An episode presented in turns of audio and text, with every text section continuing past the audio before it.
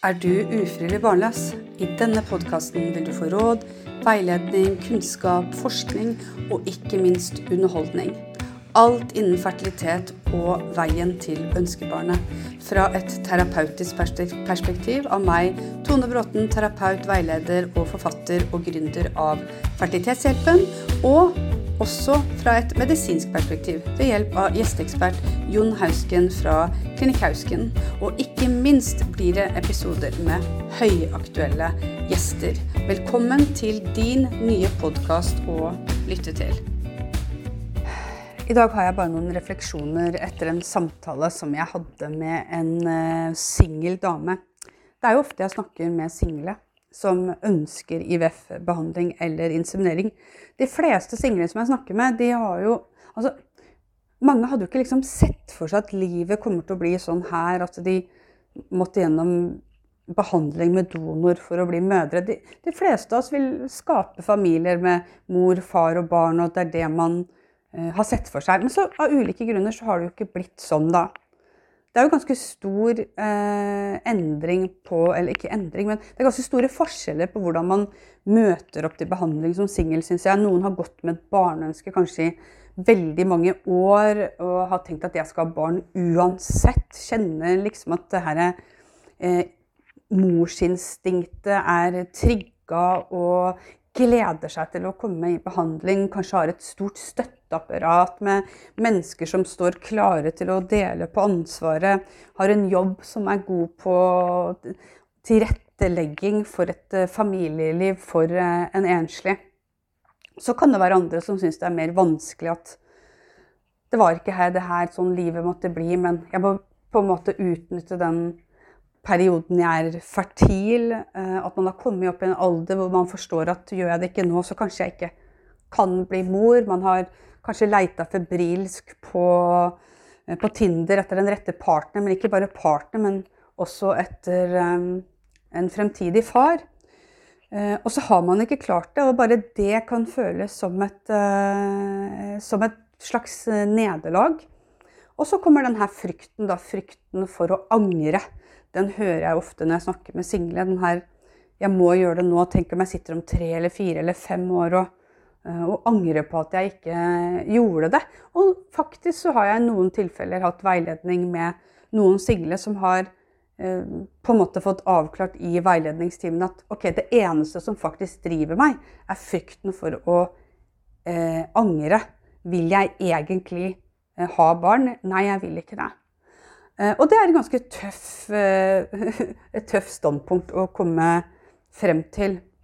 Men de fleste som på en måte sitter med litt frykt, de sitter jo også med et ønske, ønske om å få barn. Hvis du tar på en måte beina dine og kommer inn på en fertilitetsklinikk eller tar kontakt med en fertilitetsklinikk som singel, så er det ofte et ganske så stort ønske bak. Eller du kommer for å fryse ned egg. Da har du på en måte noe som driver deg til eh, en fremtid eh, med barn. Denne samtalen jeg hadde i dag, den inspirerte meg på en måte fordi at vi begynte, eller vi sammen kom fram til eh, kanskje ulike perspektiv på det å bli mamma aleine. Altså, denne kvinnen er eh, 38 år, eh, har en jobb som er egentlig ganske fleksibel, tenker at hun vil klare å ta eh, vare på barna alene, men får veldig høre rundt seg av både familie og venner at det kommer til å bli så slitsomt. Det kommer til å bli så slitsomt. Du, det første året så kommer du til å være en eh, hun kalte en sånn en sliten leverposteimamma. Ganske godt uttrykk. Um, det jeg syns var spennende da å endre perspektiv på, at dette var jo en kvinne som eh, hadde gjort veldig mye i sin karriere, jobba veldig mye, vært utbrent. Eh, og kanskje, kanskje, det å være sliten har man allerede følt på.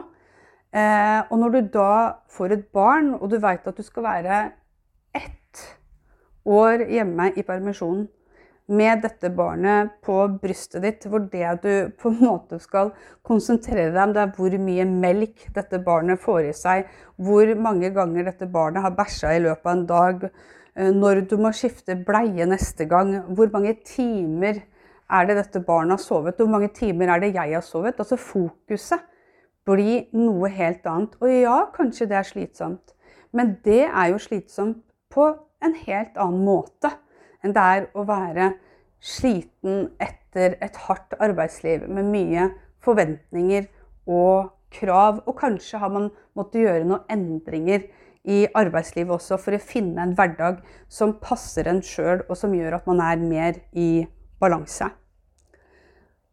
Denne kvinnen var jo veldig takknemlig over det her perspektivet. Det å få et eh, litt annet perspektiv på at det finnes uh, forskjellige måter å være sliten på. Og ikke minst det her, det å skape et, eh, et barn alene. Det å utvikle en relasjon. Det hun hadde vært veldig overraska over, det var jo de reaksjonene hun hadde fått når IVF-forsøket nærma seg. Dette er noe som jeg som terapeut står i hele tiden. Det her når tanker blir til handling. Vi tenker, altså vi tror at vi har bearbeida noe så godt kognitivt og tankemessig at vi tror at vi skal stille opp på en klinikk og gjøre et IVF-forsøk uten å være særlig stressa eller følelsesmessig involvert på en negativ måte. Men det som er vanlig, det er at det, er, det er en stor forskjell å tenke seg til hvordan det blir, og hvordan kroppen faktisk reagerer når det blir til handling. Det er da vi Det må vi være mer forberedt på. Dette kan jeg se i eh, ganske mange tilfeller når single f.eks.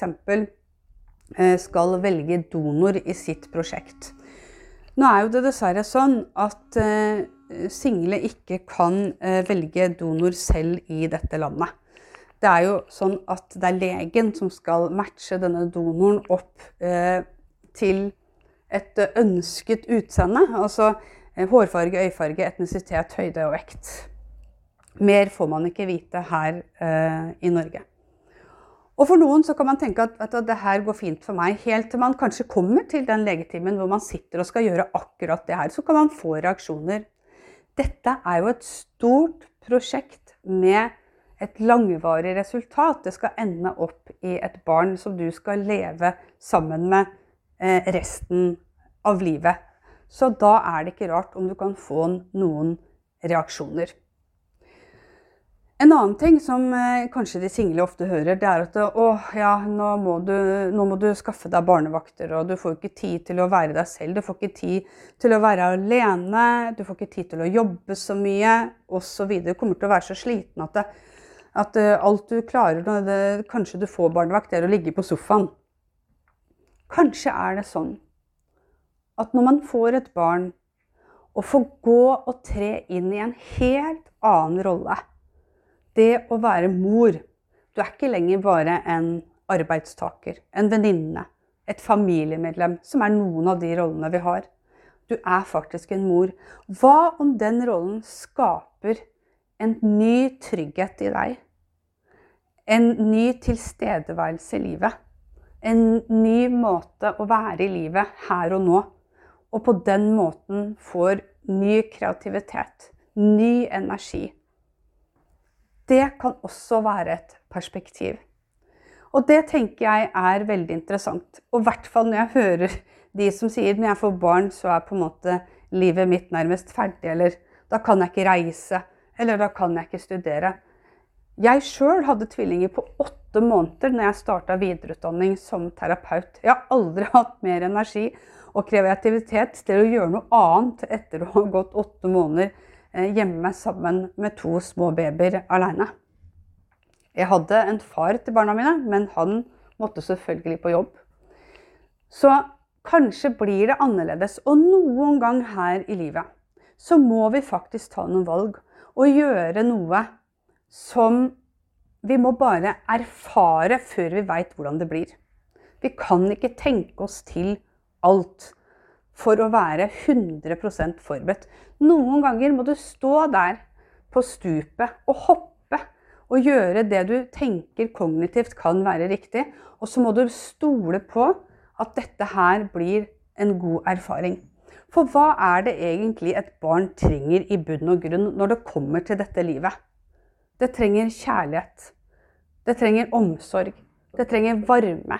Det trenger mat, og det trenger husrom. Det kan du gi. Uansett om du bor i en ettroms, en toroms. Om du ikke har tid til å hjelpe deg, men kanskje to andre, så du får litt egentid. Men at du klarer å gi barnet det helt basale behovet de første leveårene, det er jeg helt sikker på. Lykke, lykke til i din fertilitetsbehandling som singel. Jeg heier på deg.